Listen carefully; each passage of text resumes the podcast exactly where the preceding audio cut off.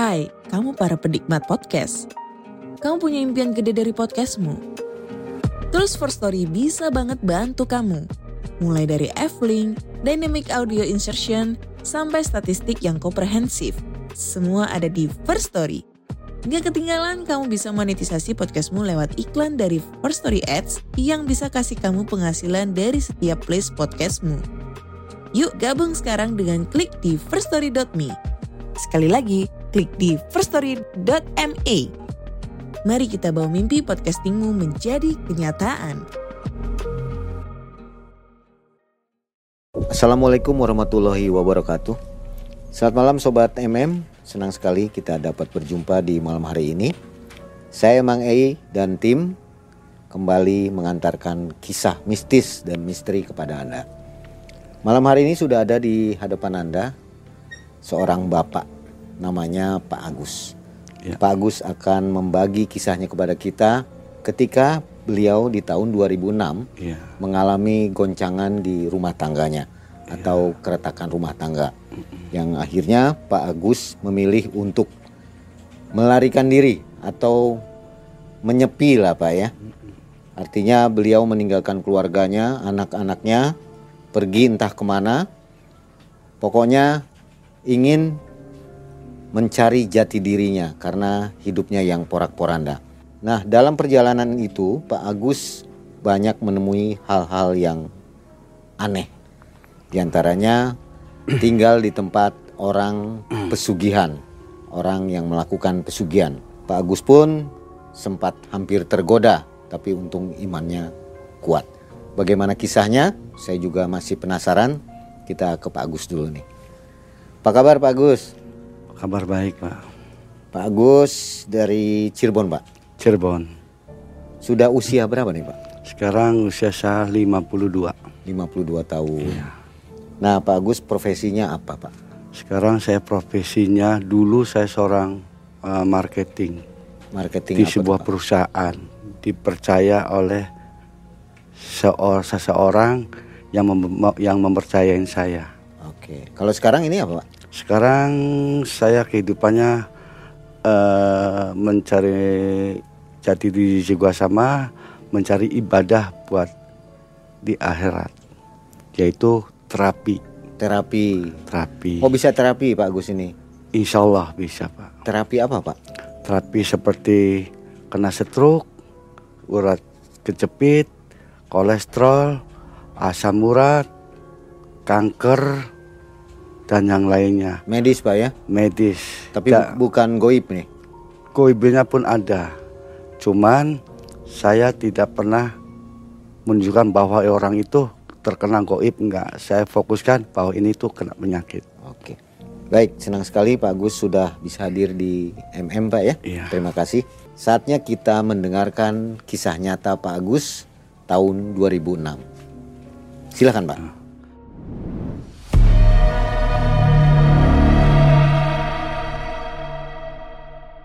Tahun 2006 saya dipercaya oleh seseorang itu di perusahaan, Pak. Perusahaan saya itu besar, membawai dari seluruh wilayah tiga. Saya dipercaya sebagai marketing. Saya berusaha ber, eh, di bidang usaha itu saya selalu beribadah tekun dengan istri. Saya pernah karena kesuksesan saya waktu itu berijab dengan istri bahwa suatu saat saya akan umroh bersama. Kedua, sehidup semati jangan sampai terpisahkan.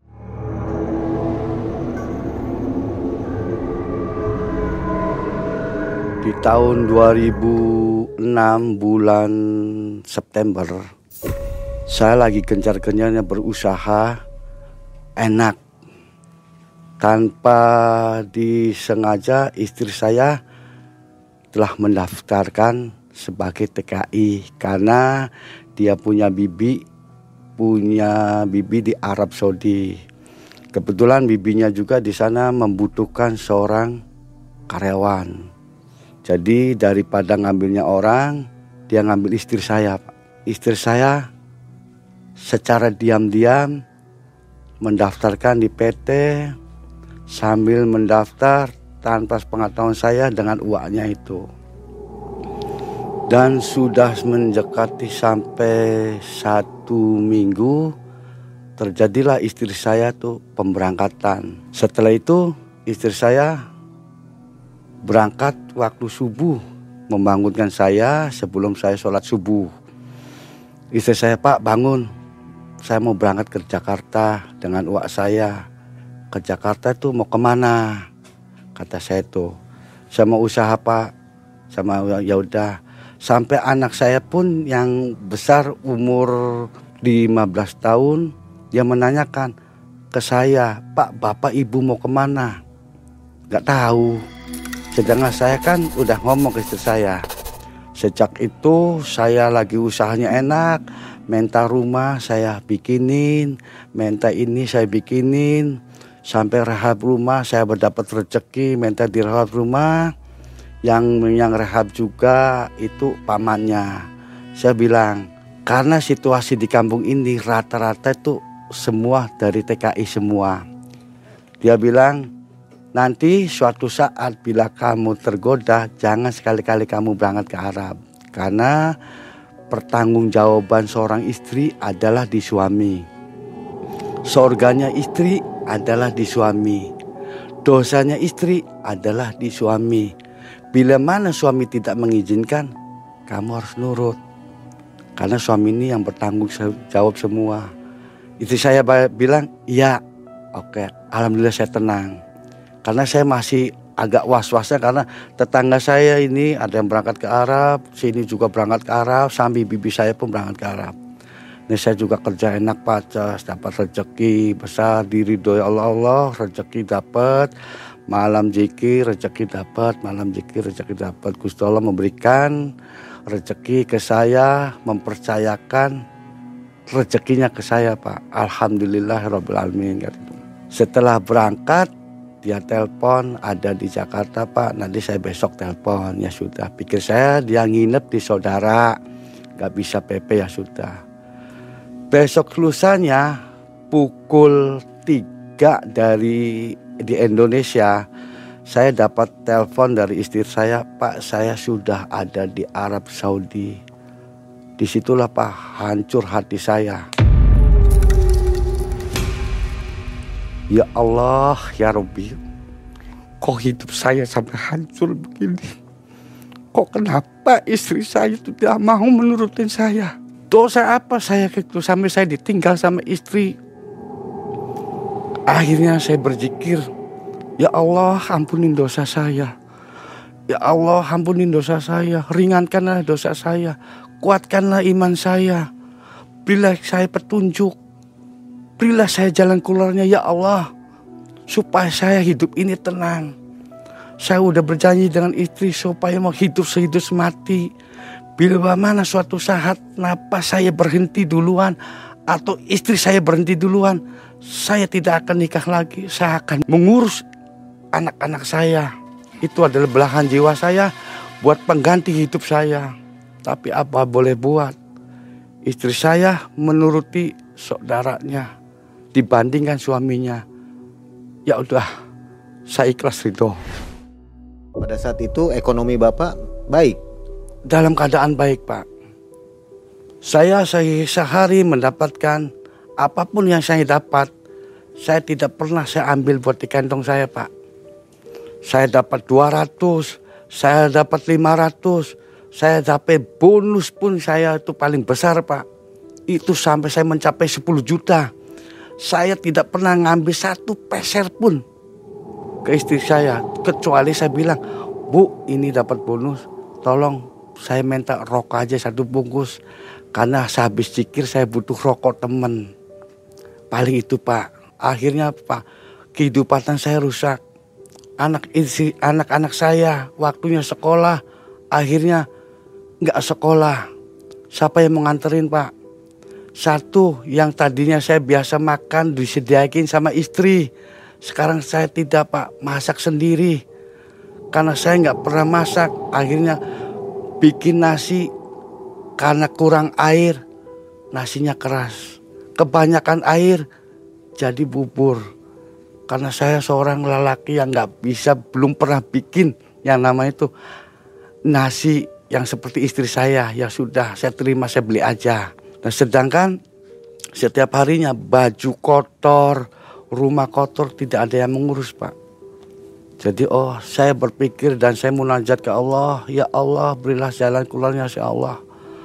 Alhamdulillah dosa saya bila bila mana saya punya dosa.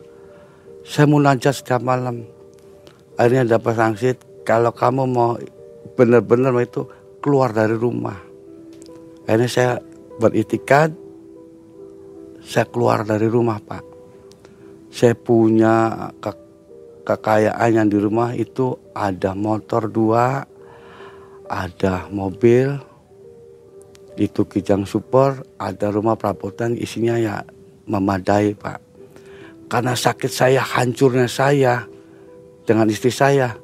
Saya motor saya satu jual, yang satu kasihkan ke teman. Sini kamu, kamu kalau nganterin anak, kamu punya motor nggak? Nggak punya. Kamu pakainya apa ojek? Tuh saya punya motor buat kamu aja. Pakai buat anak kamu, pakai buat nganter anak istri kamu, barangkali istri kamu buat jualan. Biar nanti suatu saat saya butuh, mungkin kamu bisa bantu saya. Nah, dia bilang, saya nggak punya duit Pak Agus saya ikhlas itu udah bawa. Mobil saya kejang super saya jual harga 14 juta. Saking gelapnya saya, saking emosinya saya, saking nggak karuan saya, pikiran saya pak. Saya jual udah sedapatnya aja. Dapat. Padahal saya itu waktu itu saya beli 40-an pak. Hasil keringat saya. Saya nggak mau ada barang-barang yang terkenang dengan istri saya. Terus saya manggil tetangga saya, saya punya bupet berapa? 200 ambil. Ada kursi ambil. Nah, sampai di rumah kosong belum pak. Uang itu saya ada, kasih ke anak. Kamu mau ikut ke mana siapa silakan. Oh nggak bawa speser pun? Enggak. Karena sengaja. Karena anak ini butuh buat makan, butuh buat ini buat sekolah. Kalau saya bawa buat saya perjalanan buat apa pak? Saya bawa uang banyak-banyak tapi anak di sana lebih sengsara lagi. Lebih baik kamu saya kasihkan uangnya sengsaranya kamu tapi ada duit pak. Daripada sengsaranya ditinggal duit sama saya, sengsaranya dia tapi nggak ada duit. Itu lebih hina lagi pak. Saya kasihan duitnya ke anak. Kamu jangan nyari bapak. Anak berapa waktu itu? Anak saya tiga pak. Perempuan dua, laki satu. Saya kasihkan titipin, saya nggak pernah nitipin ke saudara istri ini saya titip anak. Enggak pak. Itu jahatnya saya pak. Saking saya pikirnya kelam, pikir pikirannya gelap, saya titipin anak saya. Nggak pernah.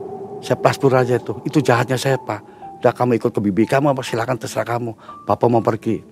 Saya bawa tas, bawa baju, cuma hanya dua setel, bawa sarung, bawa tasbih, bawa topi. Waktu itu yang anak laki-laki usia 15, yang perempuan usia 12 mau masuk SMP, yang satunya masih SD pak. Bapak tidak memberitahu mau pergi ke mana? Saya tidak. Yang saya takutkan kalau saya memberitahu ke anak, anak takutnya memberitahu ke saudaranya, memberitahu ke istri saya. Di sana Nah, istri saya akan punya pikiran karena dia ada di negeri orang pak. Punya pikiran ke saya biarpun saya sudah menceraikan istri saya, sudah melepaskan istri saya lewat jarak jauh batin saya. Tetap namanya juga seorang istri atau seorang suami dia pasti teringat ke saya pak. Dia juga pernah telepon saya bahwa foto saya disimpan di Al-Quran. Setiap malam baca sambil bawa foto saya dilihat. Saya ikhlasin itu. Saya ke arah timur pak. Arah timur saya kasih tahu sama teman kamu jangan cari ke arah timur karena arah timur itu tempatnya pendidikan. Kalau kamu mau cari jati diri kamu kalau kamu mau cari duit kamu lahir ke daerah barat Jakarta ya terserah kamu ya sudah kamu jangan berjalan jangan sekali-kali lewat jalan raya kalau kamu mau cari jati diri kamu kamu siapa diri kamu siapa. Lewatlah dari jalan rel kereta api. Berangkat mulai sholat Jumat. Setelah sholat Jumat selesai turun, kamu baru berangkat. Siap. Saya ikutin. Setelah sholat Jumat saya baru berjalan pak di jalan rel kereta api. Sampai berapa puluh kilo saya nggak pernah saya hitung menuju ke Jakarta. Tapi lewatnya dari rel kereta api. Dan di situ karena saya perut lapar, nggak pernah nggak ada duit, nggak ada air, apa. Nemulah ada sebuah pohon pak, itu pohon sirkaya, itu yang telah membantu saya pak. Saya izin karena di situ nggak ada yang punya. Uh, saya izin sama Gusti Allah, ya Allah, saya minta satu buah serkaya buat saya di perjalanan. Bila mana saya kelaparan, izinkannya ya Allah. Kalau Gusti Allah mengizinkan, saya akan memetiknya putus. Kalau Gusti Allah tidak mengizinkan, tolong jangan diberi putus. Akhirnya saya ambil putus Pak. Alhamdulillah, serkaya ini masih mentah Pak. Setelah rel kereta api perjalanan itu saya nemuin hambatan-hambatan, nemuin halangan-halangan yang hal-hal seperti makhluk-makhluk astral, makhluk goib saya lewatin semua Pak. Saya masuk itu adalah sebuah uh, jembatan, tapi jembatan kurung Pak. Yang kata orang itu banyak yang kecelakaan, kepala putus, ada tetek bengkak kayak gitu. Cuma karena saya lagi sakit, nah itu saya tidak pernah saya pernah takutin pak. Apa yang dikatakan oleh orang itu benar pak. Setelah saya berjalan di tengah perjalanan, saya menemukan sebuah seperti kepala orang itu, tapi udah putus pak. Saya saya bilang Subhanallah, ya Allah ya Akbar ini apa? Ternyata kepala orang pak. Saya tetap berjalan. Ya Allah, ya Rasulullah, berilah keselamatan pada diri kita. Janganlah beli digangguan di tengah perjalanan ya Allah. Saya lagi sakit, saya lagi merana. Jangan diberi gangguan ya Allah. Berjalan lagi pak, ketemu lagi yang orang kepalanya batok nyari batok pak, kepalanya pecah. Karena tekad saya kuat pak. Lillahi ta'ala tidak ada yang namanya setan memakan manusia pak. Saya lewat. Setelah jalan, saya langkahin terus pak. Ketemu lagi yang berbentuknya seperti gede, ada pocong, ada saya tidak pernah saya gubris pak.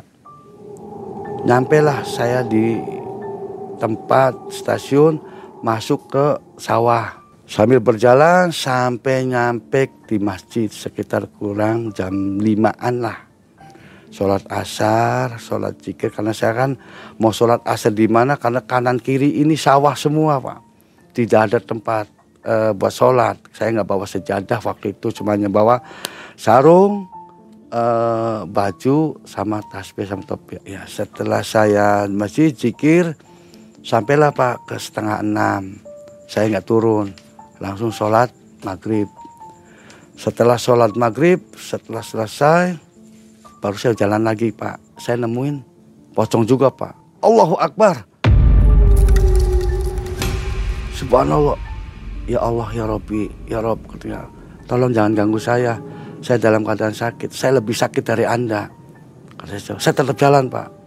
Jalan di depan kurang lebih 10 meter ada sebuah cahaya. Ternyata kata orang-orang di situ adalah panas pati pak. Saya kaget lagi, saya bilang tidak ada yang namanya setan makan manusia. Kalau kamu benar-benar makhluk Allah, saya juga makhluk Allah. Minggir, saya lebih sempurna dari Anda. Saya tetap berjalan Pak sambil berzikir subhanallah walhamdulillah wala ilaha illallah Allahu akbar. Allahu akbar. Allahu akbar. Allahu akbar. Karena saya kan perut lapar nih Pak. Saya turun karena di depan ada orang berjalan. Saya kaget tuh kok di rel kereta api ada orang juga tapi pakaiannya eh, pakai sarung pakai baju koko pakai topi saya turunin dulu tas ternyata alhamdulillah serkaya itu udah mateng banget pak. Dijabah saya makan serkaya di situ orang itu datang. Saya bilang assalamualaikum punten pak hampura. Boleh saya saya minta airnya? Ada ada ada. Saya dikasih pak. Satu botol aquas yang nemuin di jalan itu kosong. Saya masukin setelah masukin udah. Pak Hampura terima kasih banyak Pak. Ya hati-hati ya ya saya jalan lagi Pak setelah saya tengok nggak ada orangnya Pak ya setelah jalan lagi sampai stasiun saya Nyampailah di Jakarta. Di Jatinegara saya tuh mau ke mana ya Allah.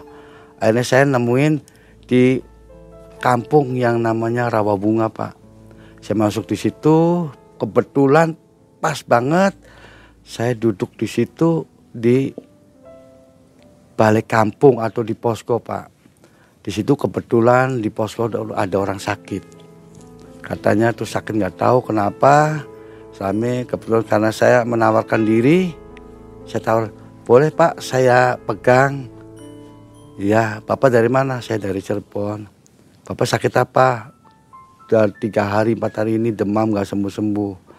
Ini saya obatin Pak. Saya minta izin ke Allah, ya Allah ya Rasulullah izinkanlah saya supaya bisa mengobati yang namanya Bapak ini diberi kesembuhan. Izin ya Allah. Yahu, Yahu, Yahu. Akhirnya Gusti Allah mengizinkan. Hari itu saya pegang, saya pici, saya terapi. Hitungan eh, beberapa menit selesai diterapi, lima menit. Alhamdulillah Bapak itu keadaan fisik normal. Sehat, enak Pak. Tadinya saya mau tidur di situ, saya sudah dipantau sama Pak RW. Saya tidak boleh tidur di situ karena kamu bukan orang sini dan saya juga udah direncanakan saya mau diusir di situ Pak. Karena saya tiket baik, Gusti Allah melindungi Pak, saya diberi uh, keselamatan. Saya ngobatin orang, Pak RW merasa kasihan sama saya cerita gini ini, saya dikasih Pak tempat tidur di posko balik kampung pak. Sebelumnya bapak bisa ngobatin orang? Sebelumnya bisa, cuma saya nggak pernah terjun ke lapangan pak. Karena basic saya itu mbah saya itu seorang terapi pak. Jadi keluarga saya besar, keluarga besar saya yang cuma hanya bisa nurunin ke saya pak satu. Setelah saya tekuni, sampai alhamdulillah buat ibadah di dunia juga pak ilmu ini saya bawa sampai ke mana pun sampai akhirnya saya diberi keselamatan Pak. Sama Pak RW saya dilindungin apa duduk sini. Akhirnya Pak RW merasa kasihan ada tetangga-tetangga yang sakit dibawa Pak ke situ. Saya sembuhin Alhamdulillah sembuh sehat. Ada lagi setiap hari Pak. Karena setiap hari di situ saya berpikir saya dalam keadaan perjalanan. Kalau saya di sini terus perjalanan saya sampai di mana nggak akan tuntas pak. Ya di situ kurang lebih saya tiga minggu lah pak. Saya ditahan sama Pak RW. Akhirnya saya akan lanjut. Ketemulah dulu pak sama yang namanya Bapak Taufik. Bagus. Saya lihat tetap bagus lagi hidupnya lagi sengsara. Sengsara banget sih enggak pak. Cuma karena saya lagi kalut. Keluarga saya, saya lagi membelah diri, lagi nyari jati diri saya sampai di mana Pak? Ya udah gini aja. Bagus mau ikut ikut ke saya ke ke mana? Ya udah ada tempat daerahnya. Itu bagus Pak. Nanti kamu istilah saya mau dimasukkan itu seperti orang nyupang Pak. Saya bilang astagfirullahaladzim. Nggak seperti itu gitu Pak Taufik. Kan istri kamu kan pergi, pergi ke Arab. Kalau pergi ke Arab kan pasti kan butuh uang. Nah sekarang kalau kan butuh kamu jangan kalah sama istri kamu cari duit tapi saya cari duitnya nggak mau seperti begitu pak. Saya mau cari yang halal. Saya nggak mau sampai saya mau mengorbankan anak. Anak saya aja sekarang saya udah korbanin pak. Sengsara di sana biarpun saya kasih uang. Dia mencari ibunya ke mana bapaknya ke mana. Masa saya mau tega ngorbani itu pak? Akhirnya saya permisi di situ. Saya minta hampura Pak Taufik karena Pak Taufik tuh umurnya lebih tua dari saya pak Pak Taufik kalau saya punya salah saya minta hampura. Namanya juga manusia tempatnya dosa Pak. Hampura mm, saya izin ke PRT PRT saya mau pergi. Mau pergi ke mana Men mencari arah jalan saya Pak. Ke mana pun yang akan saya tempuh saya akan telusurin Pak. Itu masih di Rawabunga tuh Pak. Di desa di kampung Rawabunga saya izin ke PRT akhirnya saya dikasih petunjuk ada orang kamu ke Bogor aja. Ya udah saya di suatu daerah pak naik jangan dikasih tempat naik uh, angkot jurusan mana itu 04 nah, naik pak 04 nanti kamu jalan kaki udah punya uang itu pak ya? belum belum karena saya waktu itu saya ngobatin saya nggak minta dulu pak ikhlas itu saya dikasih makan sama pasien, saya makan. Cuma yang saya bawa itu hanyalah sepuluh ribu pak. Itu pegangan saya. Untuk ongkos. Untuk perjalanan saya, untuk ongkos apa pun, saya cuma hanya sepuluh ribu pak. Saya bawa. Setelah mau turun naik angkot ke sana, saya mau naik kereta. Ini kereta ongkosnya berapa tarifnya? Karena saya kan belum pernah sekali naik kereta listrik nih pak. Ternyata waktu itu tarifnya masih 2.500 pak. Alhamdulillah Alhamdulillah masih bisa ada. Saya beli tiket sampai nungguin kereta datang saya naik pak. Perjalanan kurang lebih dari Jakarta ke sana ke suatu daerah itu ya sekitar kurang lebih satu jaman kurang pak. Saya nyampe ke sana, saya jalan kaki. Ini kalau kamu mau tahu di suatu desa ini, desa ini, desa ini, saya temuin pak. Yang namanya Pak Haji A ini pak, saya temuin perjalanan. Kebetulan saya perjalanan itu nyampe di situ sekitar jam 7 malam pak. Saya sholat, saya apa, saya ketemu Pak Haji itu saya curhat kayak gini. Akhirnya Pak Haji ngasih tempat pak untuk istirahat saya. Ya udah, saya mau saya kasih tempat, tapi bukan di sini. Di mana pak? Tapi agak masuk ke dalam di tempat daerah kayak sebenarnya kayak hutan nggak apa-apa yang penting saya hidup pak ada tempat tinggal, bisa sholat, bisa ada, ada air, ada apa. Saya kasih tempat di situ pak, jebret.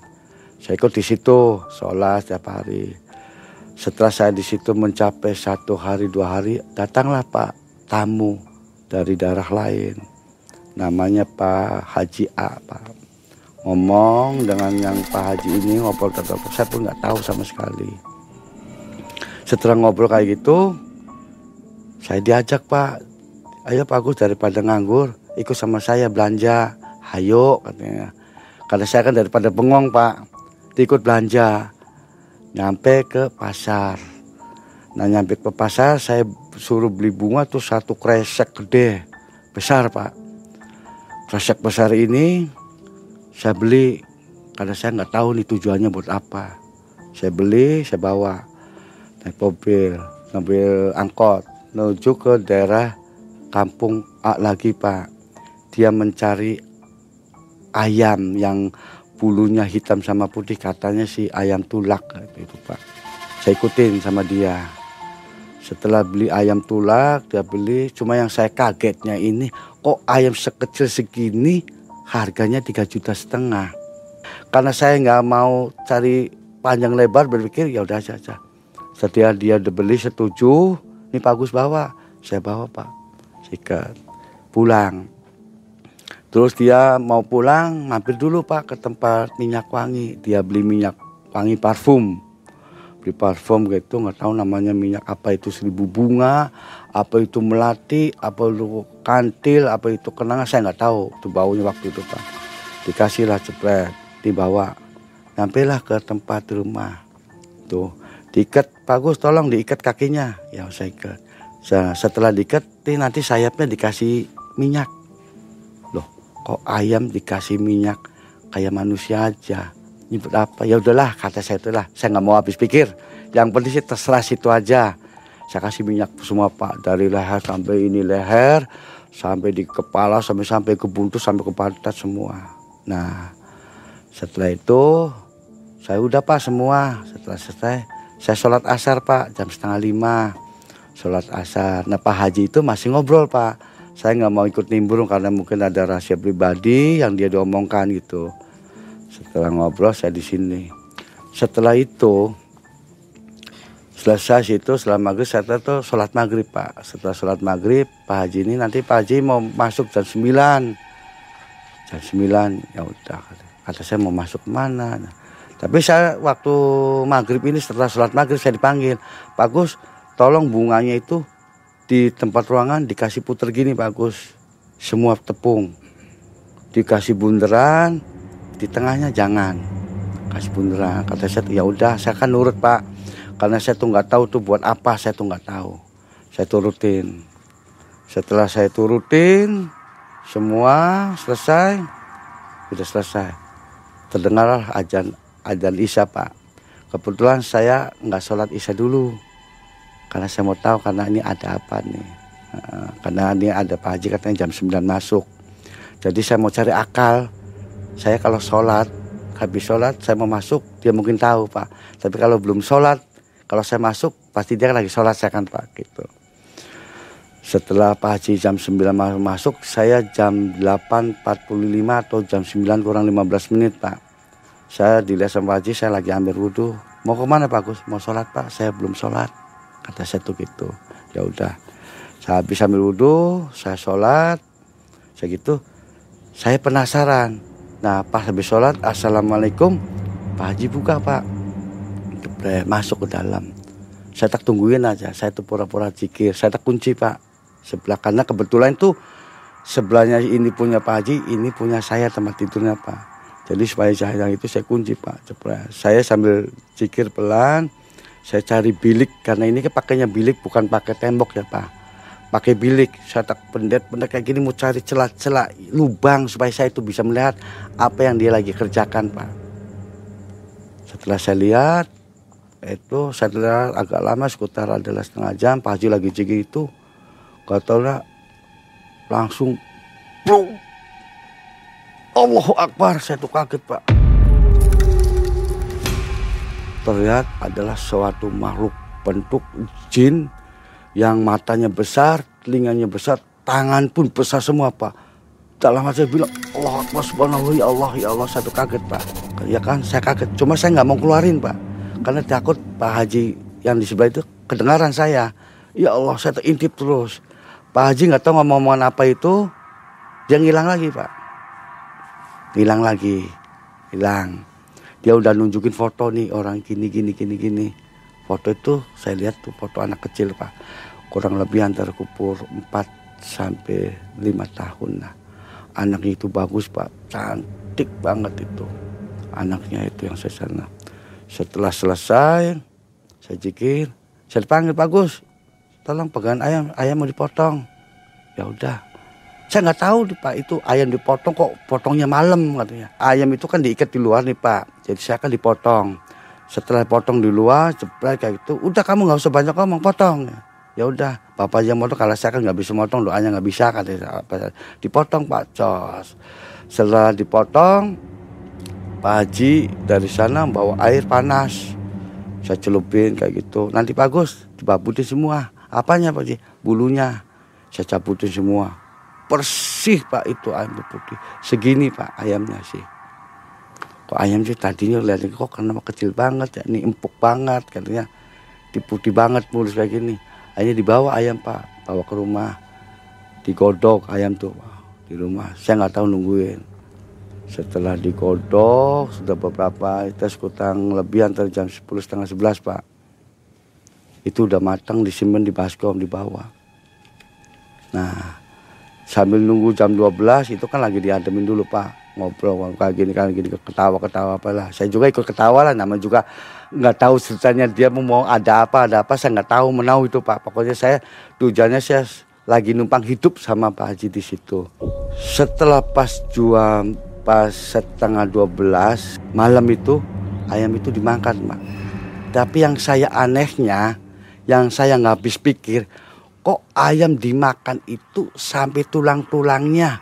Tidak ada meninggalkan sedikit pun ditinggalin. Dihabisin semua. Siapa yang makan? Orangnya pak pasien. Iya pasti dimakan sehabisnya tidak boleh tertinggal sedikit pun. Kukunya pun gitu.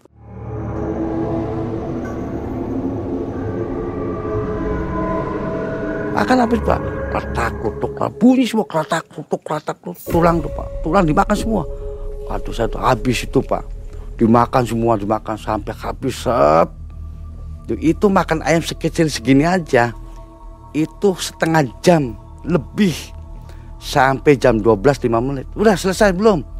Udah habis. Coba lihat. Ternyata di situ udah bersih, Pak. Tidak ada sedikit pun tertinggal. Ya sudah. Nah, Pak masuk. Saya mau masuk lagi. Mau ke mana Pak Gus? Mau istirahat Pak. Tidur capek dari siang ikut Bapak. Ke sana ke sini belum tidur siang. Terus saya mau zikir dulu sebentar Pak. Tapi zikirnya jangan itu keras-keras ya. Enggak apa-apa pelan. Saya masuk Pak saya kunci cekrek ternyata saya masuk di situ kurang lebih antara 45 menit atau satu jam itu Pak Datanglah anak pak. Bu, Anak sambil kepalanya diangkat segini pak. Bapak, tolong bapak, tolong bapak, ini tolong bapak. Saya itu siapa? Ya Allah ya Rasulullah. Itu mau diapain kita? Saya mau berontak gimana pak? Saya mau ngebela-ngebela siapa ini? Ini apa ini yang diperbuat? Dia sambil omongnya bindeng itu. Ini bukan kata dia karena saya kan nggak bisa bahasa Sunda pak. Ini bukan. Iya, benar iya. Tarik lagi pak. Di situ saya nangis pak. Ya Allah ya Rasulullah. Saya teringat anak saya pak yang di rumah. Itu kalau anak saya dikitun tuh kayak apa itu saya itu pak. Ya Allah ya Rasulullah. Udah ditinggalin sama bapak. Ditinggalin sama ibunya. Ya kan. Ingat sama anak saya gitu pak. Ya Allah. Ya, sampai-sampai lagi. Berilah keselamatannya Allah buat mereka ya Allah. Itu anaknya gak berdosa itu sedang diapain? Karena saya tuh belum pernah melihat seperti begitu pak. Belum pernah itu namanya apa. Tangannya gede-gede pak. Tapi setelah narik dia hilang begitu aja pak. Saya Anaknya penasaran. Manusia. anaknya manusia. Langsung diingat "Frap," itu dibawa. Udah setelah itu hitungan menit dari ujung pojok-pojok itu keluar pak. Seperti bunyi ATM ternyata apa yang dilihat pak itu duit semua. Wadah, tapi uang itu dia pun sambil cikit tidak dia tidak pernah megang pak yang namanya duit. Tidak pernah megang. Katanya sih kalau dipegang itu berhenti pak. Dia nggak megang. Sampai dari ujung-ujung ini berhenti pak. Setelah berjalan itu trep uang itu seperti ada yang mengendalikan pak. Berjalan semua kata kata kata kata kata itu, itu nyusun pak. Kurang lebih dari satu meter tingginya ada sekitar 60 lebarnya juga ada 60 nggak tahu saya nggak lalu jumlah itu berapa saya nggak tahu Yang jelas miliar tuh Pak ya. Iya kurang tahu pak karena saya nggak hitung-hitung ya itu ya sama kan kurang lebih ada lah segitu. Masih ngintip itu pak. Saya di mana? Saya nggak berani buka suara. Nah karena saya itu kan tak gelapin pak itu kan pakai sempor pak. Saya lihat karena dia juga remang-remang tapi bentuk manusia itu saya tahu pak itu manusia pak. Saya bisa bikin ya Allah ya Rasulullah selamatkanlah dia ya Allah selamatkanlah dia ya Allah. Setelah itu beberapa menit datang lagi pak sambil bluk di atasnya duit pak. Sudah gini bukan. Saya bawa. Tuh jatah kamu. Makan itu duit. Saya bawa nih. Itu dengan bahasa kita pak. Karena bahasa dia kan mungkin orang nggak mengerti sambil bindeng gitu. Bawa. Sambil lihat gitu. Anak ini sambil meronta-ronta pak. Tapi Bapak mengerti bahasa itu. Mendengar. Ya, saya tahu mendengar pak. Itu dasar manusia biadab. Merelakan nyawa manusia itu dimakan sama jin sama setan. Suatu saat besok akan saya bangunkan, saya datang ke rumah Pak Hajinya. Akhirnya jam setengah tiga saya dibangunin Pak. Sambil saya makanya uh, bengkak semua sambil menangis. Dia bilang, nah Pak Bagus menangis. Saya teringat anak Pak di rumah. Saya ninggalin anak tanpa saya titipkan ke saudara Pak. Saya berpikir lagi barangkali saudara saya ada yang begitu ke anak saya Pak. Saya berpikir di situ Pak, anak saya jadi tumpal. Kata saya ya Allah, selamatkanlah anak saya ya Allah. Jangan sampai jadi tumbal. Barangkali ada keluarga saya yang seperti begitu. Jauhkanlah ya Allah. Jauhkanlah ya Allah katanya. Setelah itu mengumpulan uang, masuk ke karung. Pak Gus punya karung ke Pak Haji. Pak Haji minta karung. Dia ngasih karung Pak. Uang masukin ke karung. Ditutup pakai rumput karena dia pulangnya nggak boleh pakai mobil sendiri pakai angkot pak bungkus ikat bungkus bahkan saya pernah dikasih pak kasih sama dia itu satu kepok ini karena kamu hidupnya lagi susah saya kasih buat perjalanan kamu saya tolak pak maaf haji saya lebih cukup dari Pak Haji biarpun saya ada uang di kantong saya sepuluh ribu saya masih bisa pulang di Cirebon sedangkan Pak Haji masih kekurangan kalau nggak kekurangan Pak Haji nggak mungkin numbalin orang Pak. Entah itu anak siapa, anak saya nggak tahu. Mental Bapak udah bobrok. Ya kan? Bapak lebih kejam dari segalanya. Saya ngomong, Pak Haji udah Pak nggak usah ngomong Pak. Urusannya dia. Setelah itu selesai, dia pulang Pak. Saya sholat subuh sambil munajat ya Allah selamatkan dia ya Allah selamatkan dia ya Allah selamatkan dia ya Allah kalau dia mati bila dia mati syahid ya Allah. Karena dia masih kecil pak. Umur juga berapa? Dosanya juga masih ditanggung sama orang tuanya pak. Setelah sudah ngomong pagi pagi pas saya mau ngomong pagi iya apa pak yang tadi malam itu jin dari mana Pak Haji? Pak Haji bilang itu yang namanya sambar nyawa Pak Gus.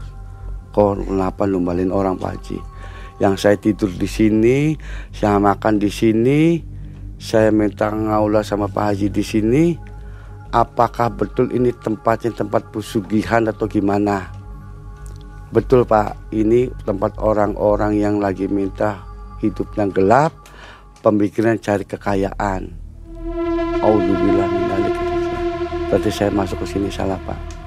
Sebetulnya saya itu lagi mencari jati diri saya. Saya mau menyelamatin diri saya, mau ngobrol dengan Pak Haji kayak gitu Pak Haji. Setelah gitu ya sudah sekarang Pak Gus maunya apa? Mau minta ilmu apa? Kata Pak Haji Pak.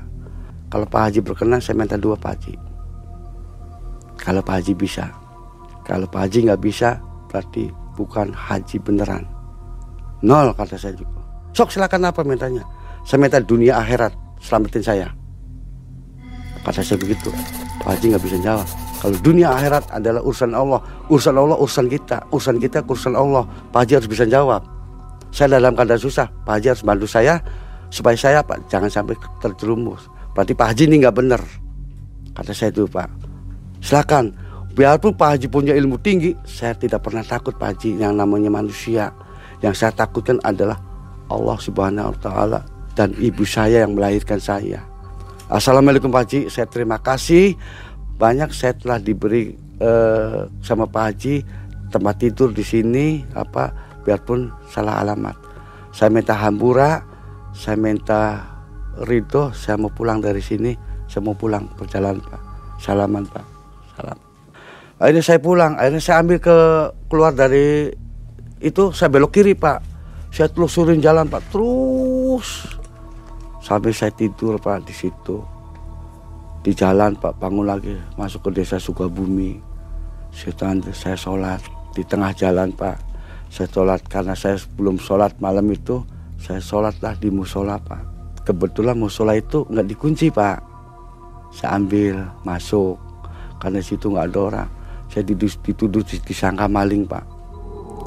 Saya ambil sejadah pas lagi sejadah ambil saya nggak kayak gitu saya langsung ditendangin pas suruh keluar.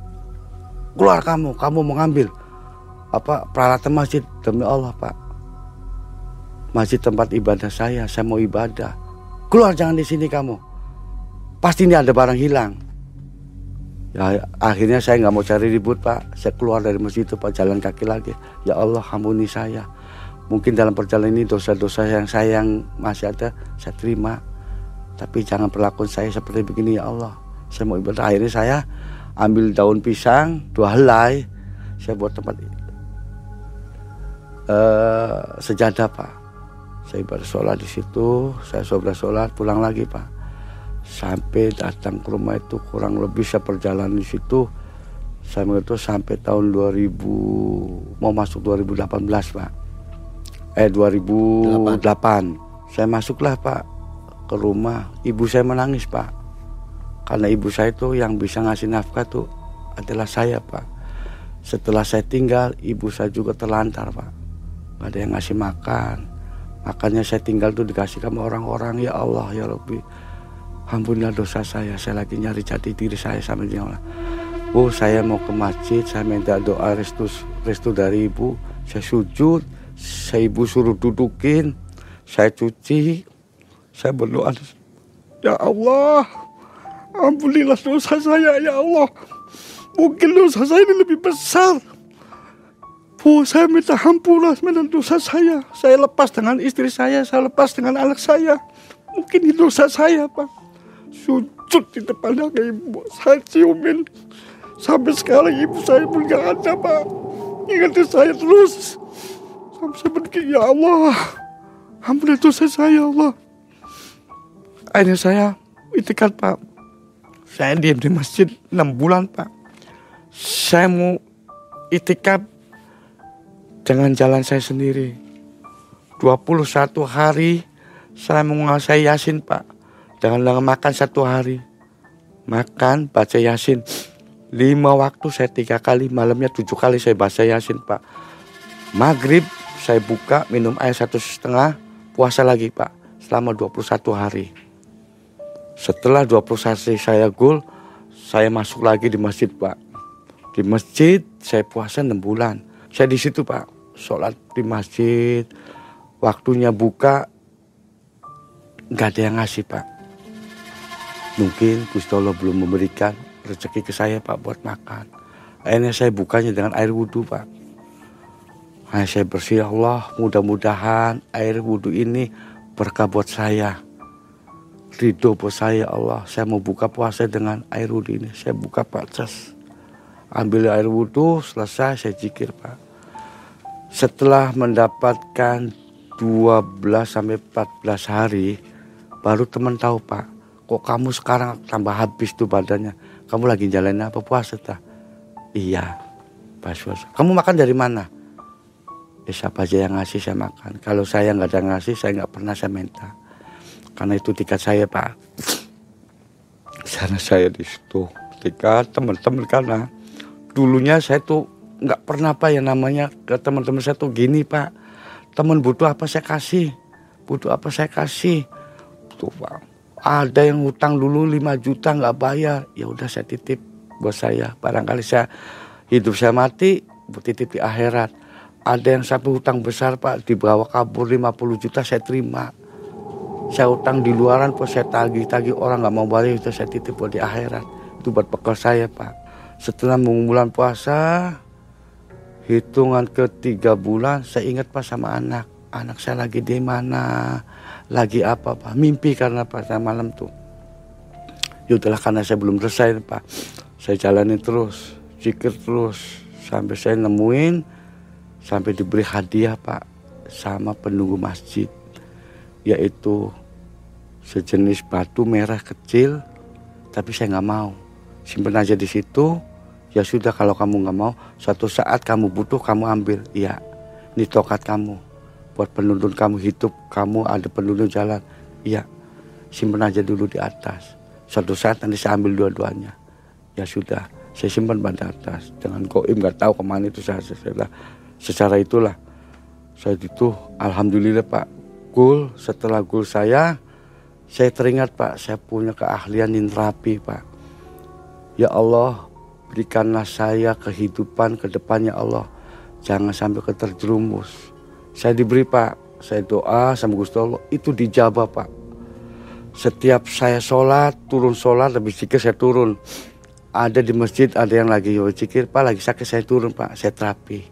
Alhamdulillah sehat pak karena saya hanya bisa mengobati Pak. Yang bisa menyembuhkan itu adalah Allah Subhanahu wa taala segalanya, Pak. Ya Allah, ampunilah dosa-dosa hamba. Maafkanlah segala kehilafan hamba. Hamba hanya ingin membahagiakan anak dan orang tua. Berikanlah kesempatan hamba untuk memperbaiki diri, ya Allah. Hebat di situlah saya Pak baru punya nama. Pak Agus bisa rapi ngobrol ke sana ke sini ya sudah. Nah sebelum saya turun ke lapangan saya udah dikasih izin sama Gusti Allah apa saya minta yang terakhir sama Gusti Allah. Ya Allah kalau Gusti Allah merasa sayang sama saya, merasa kasihan sama saya, saya minta tiga pertanyaan ya Allah, minta permintaan. Satu, belilah pekerjaan buat anak saya karena anak saya udah lulus Pak SMA ditinggal sama 15 tahun tuh waktu 2006 Pak. 2008 dia udah lulus. Karena anak saya belum pengalaman. Dia lama ke Jakarta diterima Pak di Jepang. Hari itu juga. Kedua kalinya itu saya dapat berita jam 9 jam 10 siang. Jam 12 siangnya saya dipanggil sama ada sebuah perusahaan yang lagi buka usaha dia minta keamanan dari saya pak. Suruh jaga parkir apa saya terima. Dapat bulanan juga. Buat apa saya terima? Alhamdulillah. Yang satunya pak. Hari itu saya harus dapat istri pak. Tapi dengan syarat pak saya tidak mau pacaran. Kalau percara perpacaran pasti ada putusnya pak. Hari itu kalau Gusti Allah sayang, eh, sayang. Kebetulan teman saya pak. Jam 2 siang ngasih tahu pak bagus ini bagus yang udah nggak punya istri ya saya punya cewek tapi janda anak satu ya gimana? Saya mau main ke sana takut nih namanya ini pak. Ini nomor teleponnya. Boleh saya telepon? Boleh. Saya telepon pak. Cepat akhirnya alhamdulillah disetujuin. Main ke sini kalau kamu berani berani. Karena saya benar pak. Akhirnya saya langsung besok karena saya sudah punya janji datang ke perempuan itu. Sekali saya ngobrol, saya lihat partnernya, oh ya gini, ini bisa buat bantu saya. Lahirnya sama dengan istri saya yang pertama pak, akhirnya berjumpa. Saya nikah, jebret, nikah pun pak, saya nggak punya spesial pun uang. Istri saya minta, ya udah siap, siap. Ya Allah, saya nggak punya uang, uang dari mana? Sedangkan minta istri saya, minta di agak rame-rame teman-teman tuh. Yang kalau rame-rame berapa juta pak? Saya minggu depan harus nikah. Ya Allah ya Rasulullah, saya jika terus pemerintah. Ada sebuah perusahaan itu, itu teman saya ngasih dengan cuma-cuma apa. Kamu bantu, silakan kamu nikah. Nih, kasih 5 juta pak. Istri saya yang ini ngebantu 3 juta, 8 juta pak. Saya kasihnya semua silakan. Buat mas kami apa, Alhamdulillah pak. Rame-rame itu selesai, tamu-tamu selesai anak saya juga tak bawa pak ke sana tuh. Ikut saya saya ke sana dulu izin ikut bapak bapak nikah. Tunjukin. Karena saya sebelum nikah saya udah izin dulu ke anak. Boleh nggak bapak nikah sama ini? Karena ibu kamu udah nikah duluan. Ya sudah nggak apa-apa pak. Saya nikah. Sedangkan nikah setuju alhamdulillah saya boyong ke Cirebon pak. Sampai sekarang saya punya anak tiga. Dari istri saya dulu sana perempuan dua laki-laki satu yang dari punya istri di sini saya punya laki-laki dua perempuan satu. Jadi kalau digabungin dari sana tiga laki-laki eh perempuan dari sini laki-laki tiga. Alhamdulillah itu udah titipan dari Gusti Allah ke saya buat barangkali saya suatu saat napas saya itu berhenti dia bisa bantu saya Pak. Mendoakan saya. Jangan sampai itu doanya seorang anak pasti cepat dijabah Pak akhirnya saya gitu saya nikah saya kembangin pak ke masyarakat. Semua sampai sekarang pak. Alhamdulillah sampai sekarang saya disebutnya sebagai saya ngembangin punya anak buah banyak ke suatu LSM mana saya kembangin semua. Sampai saya disebutnya master pak. Tapi saya nggak mau disebut saya itu master karena saya masih manusia biasa. Saya hanya bisa mengobati pak. Tapi yang bisa menyembuhkan adalah Gusti Allah Sedikit pertanyaan. Ya. Itu istri pergi ke luar negeri berapa tahun? Dua tahun pak. Dua tahun. Uh -uh. Istri bapak yang pertama ini kena karma atau bagaimana pak? Karena tidak menuruti kata-kata suami. Betul pak jelas kena karma waktu itu pak. Karena dia berangkat ke Arab ke sana, karena dia tidak ada persetujuan dari saya, dia berangkat bilangnya mau ke Jakarta, ternyata dia benar sih ke Jakarta terbang ke Arab pak tapi nyampe di sana KBR itu istri saya langsung di karantina pak. Dengan dasar apa? Dengan dasar bahwa istri saya nyampe ke situ membawa e, binatang itu kutu di rambut pak. Sekali disisir itu kutu udah ratusan pak. Jadi istri saya di karantina pak. Jebret. Setelah di karantina istri saya langsung ngebel ke saya pak Pak, saya lagi ada masalah. Masalah apa? Masalah saya di sini nggak boleh masuk ke kota Arab di bawah majikan saya karena saya di karantina. Kenapa kamu bisa di karantina? Kata saya itu Pak. Karena saya di sini pas saya buka jilbab kutu saya banyak sekali. Ya begitulah. Istri yang tidak pernah menurut ke suami, istri yang tidak pernah patuh ke suami, Itulah akibatnya. Akhirnya saya sore mandi bersih, saya puasa tiga hari Pak Cikir. Sebelum tuntas tiga hari, istri saya ngebel lagi Pak Manis Pak, Alhamdulillah tanpa disengaja entah dari mana kutu yang ada di rambut saya ini hilang semua Pak. Ya itu adalah keajaiban dari Gusti Allah. doa seorang suami yang teraniaya oleh kamu sekarang dijabah bisa ngobatin kamu biarpun kamu ada di negara orang lain. Ya sudah, sekarang kamu jalanin usaha kamu di sana, dapat duit simpenlah dengan secara baik, barangkali mengirim ke anak-anak jangan ke saya. Karena sekarang kamu bukan istri saya lagi. Karena saya udah menceraikan pak, sama istri saya di sana nangis pak. Ya itulah karena kamu nggak nurut. Sakitnya kamu di sana sama sakitnya saya. Tapi sakitnya saya di sini kamu nggak pernah merasakan seperti apa sakitnya saya di sini pak. Setelah berapa hari berada di Saudi Arabia, Bapak ceraikan istri? Hari itu juga pak. Begitu berangkat langsung dicerai? Berangkat ke Jakarta. Besoknya berangkat ke Jakarta langsung ke eh, ke PT pak. PT malamnya diberangkatin katanya itu. Nyampe di sana itu sudah pagi pak. Tapi di sini tuh jam 3. Jam 3 sore. Pak saya udah di KBRI. Saya udah di KBRI tapi saya lagi di karantina pak kayak gini. Setelah saya ucapin tadi seperti begitu ya sudah. Ya sudah gini kamu jalanin. Di sana usahanya itu kamu usahain cari duit yang benar yang banyak. Kalau kamu ngirim ke anak jangan ke saya. Tapi hari ini, detik ini, jam ini saya sudah menceraikan kamu. Talak gitu ya? Saya nggak pakai talak pak, karena kalau talak itu ada batasnya pak. Pak talak satu, talak dua, talak tiga, saya nggak mau pakai talak.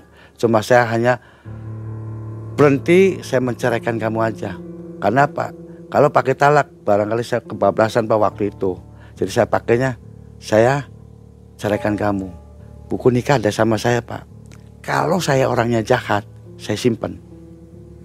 Mau kapan pun kamu, nggak mungkin kamu akan bisa nikah. Saya takut sama karma pak. Karena dibaliknya buku nikah ini, bila mana istri tidak dinafkain selama tiga bulan berturut-turut, berarti ini bukan istri saya pak. Nah, saya kembalikan pak. Nih, ini buku nikah kamu, nikah saya ada. Kalau kamu mau ada jodoh dengan saya, silakan mau nikah lagi, nikah lagi. Kalau kamu nggak ada jodoh dengan saya, silakan kamu nikah ke orang lain. Nih, saya nggak mau. Saya mau ambil baju, hanya bawa baju aja pak. Keluar tuh saya badan merah pak. Tidak bawa sedikit pun harta. Istri saya nangis pak di situ. Karena waktu masuk kosong semua. Akhirnya karena istri saya juga pulang bawa duit kan pak. Yang dijual di mana ditebusin semua pak. Sama istri saya. Cuma yang nggak yang nggak ditebus itu ya kendaraan. Sudah lepas jauh. Itu. Kalau si Pak Haji tadi yang melakukan tumbal, Mm-mm. itu Pak Haji apa? Pak? Maksudnya Pak Haji putih apa Pak Haji? Cuman Pak Haji Pak Hajian. Ya sekarang sih Pak Haji yang palsu. yang namanya haji itu Pak. Kalau haji yang benar sih itu nggak pernah Pak melakukan seperti begitu Pak. Dia seorang haji tapi melakukan seperti begitu. Jadi yang namanya haji itu haji tempelan Pak. Kalau yang namanya haji, ingat namanya syariat Islam. Ingat yang namanya itu hukum Islam. Ingat yang namanya dosa. Kita jahatin orang Pak. Kita nyubitin orang aja itu dosa Pak. Apalagi ini sampai ngorbanin orang. Bagi saya, lu boleh haji di mata lu, tapi di mata saya kamu adalah setan. Sama dengan yang berhadapan, udah gitu. Gitu. Mas eh, ada kabar tentang Pak Haji itu? Sampai sekarang alhamdulillah. Sekarang saya karena saya hidupnya udah tenang Pak. Sudah nggak keganggu dengan istri saya lagi. Saya belum ke munajat. Saya lagi remuk dengan keluarga saya.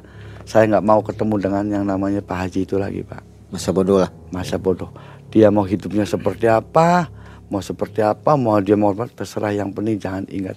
Alhamdulillah yang saya dikhawatirkan waktu itu takut saya anak saya itu terjadi apa-apa kon lagi ternyata alhamdulillah Pak saya rawat alhamdulillah benar semua karena saya selesai setiap perjalanan saya doain Pak khususon hadiah hadiah hadiah tuna illa rohani fil jasa di anak saya.